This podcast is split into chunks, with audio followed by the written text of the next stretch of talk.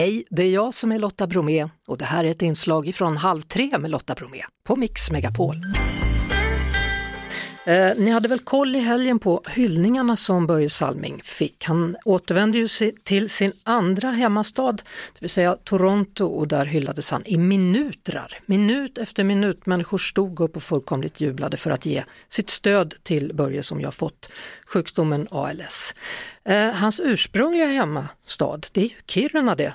Han eh, växte upp på en gata i Kiruna som heter Matojärvi-gatan. Men nu i måndags, då klubbades det igenom i kommunfullmäktige sammanträdet i Kiruna, då klubbades det igenom att Börje Salmings uppväxtgata i Kiruna ska döpas om från Mattojärvigatan till Börje Salmingsgata. Var det ett enhälligt beslut, frågar jag Gunnar Selberg. Ja, det var ett, ja, inte riktigt, det var ett parti som tyckte vi skulle åter, ett, ett av de minsta partierna som tyckte vi skulle återremittera frågan först. Va? Men jag tror att de ångrade sig efter ett tag och kände att, att det här var ett oerhört starkt stöd för Börje Salmings gata. Det ska bli det tidigare Mattojärvigatan. Ja, hur, hur kommer det sig att du kom på den här idén?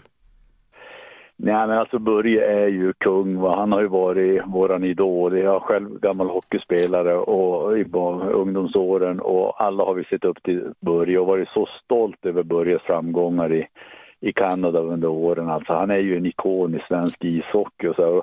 Och sen när vi hörde om det här han drabbades utav, vi såg hyllningarna i Toronto. Jag hade väl börjat fundera lite grann på det här tidigare för vi har en gymnasieskola mm. som också fick faktiskt ett nytt namn igår och då började jag tänka, ja men den, den kommer heta Hjalmar Lundbom men jag började fundera som att, ja men låt skolan heta Börje Salmings gymnasium då. Men, men sen dök den upp den här idén hos mig då, gatan, Mattojärvigatan som passerar då när, när media under åren har gjort olika reportage om Börje Salming, det har ju varit några sådana, då, mm.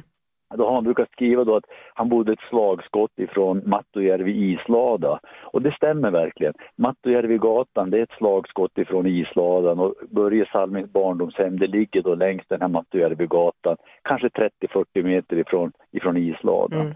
Så det kändes så rätt när den idén kom upp då, varför inte döpa om gatan till Börje Salmings gata? Ja, Kalmar är en sån där annan plats där man också kan få en gata uppkallad efter sig. Eh, Robert Gustafsson till exempel har fått Robert Gustafssons gata och Nanne Bergstrand har fått en gata. Och Las Vegas, de gav hela 30 nya gator till sitt NHL-lag då som tog sig ända till Stanley Cup-final. Så att eh, hockeyspelare mm. är populära att använda när man ska döpa om gator.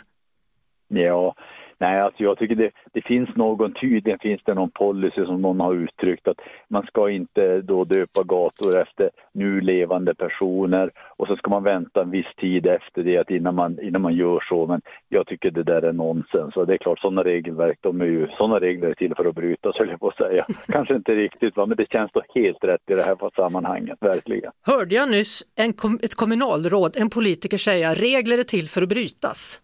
Ja, alltså jag har Säg det en gång till Gunnar, det var ju jäkligt bra sagt hörru. Ja, jag har väl blivit lite grann betraktad som ett sånt kommunalråd som inte, som inte riktigt följer de gängse reglerna. Nej. Inte alltid i alla fall. Då kan jag säga att det är ett stort plus i min bok.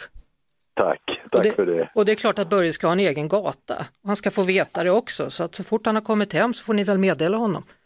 Absolut. Vi brukar, jag, har, jag har varit verksam i turistbranschen ganska länge och, och då brukar vi alltid passera längs tidigare Mattojärvigatan och så brukar jag berätta om det här med Börje Salming. Visa mm. då här bodde, det här Börje och Stig Salmings då barndomshem och här ser ni isladan var och, och det har alltid varit lite extra berätta runt det där. Han gjorde ju faktiskt en kort karriär i, i, i gruvan också. Det är en liten rolig anekdot jag brukar berätta. Han jobbade lite grann åt LKAB och men han ville väl mest vara på isen och, och spela hockey va? så att han hade väl inte alltid varit på plats där och då hade förmannen vid något tillfälle blivit arg på honom och tagit tag i honom och sagt att du ska inte tro att du kan leva på ishockeyn. Mm och det, det, men det kunde han visade sig alldeles utomordentligt. Ja det kunde han. När kommer ni inviga gatan då tro?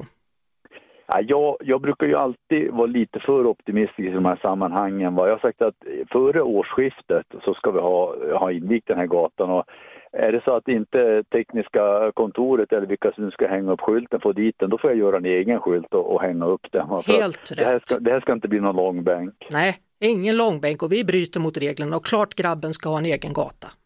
klart grabben ska ha en gata. Är man kung så ska man ha en gata i Kiruna. Det ska man absolut. Tack så mycket Gunnar Selberg. Tack själv. Det var det. Vi hörs såklart igen på Mix Megapol varje eftermiddag vid halv tre. Ett poddtips från Podplay.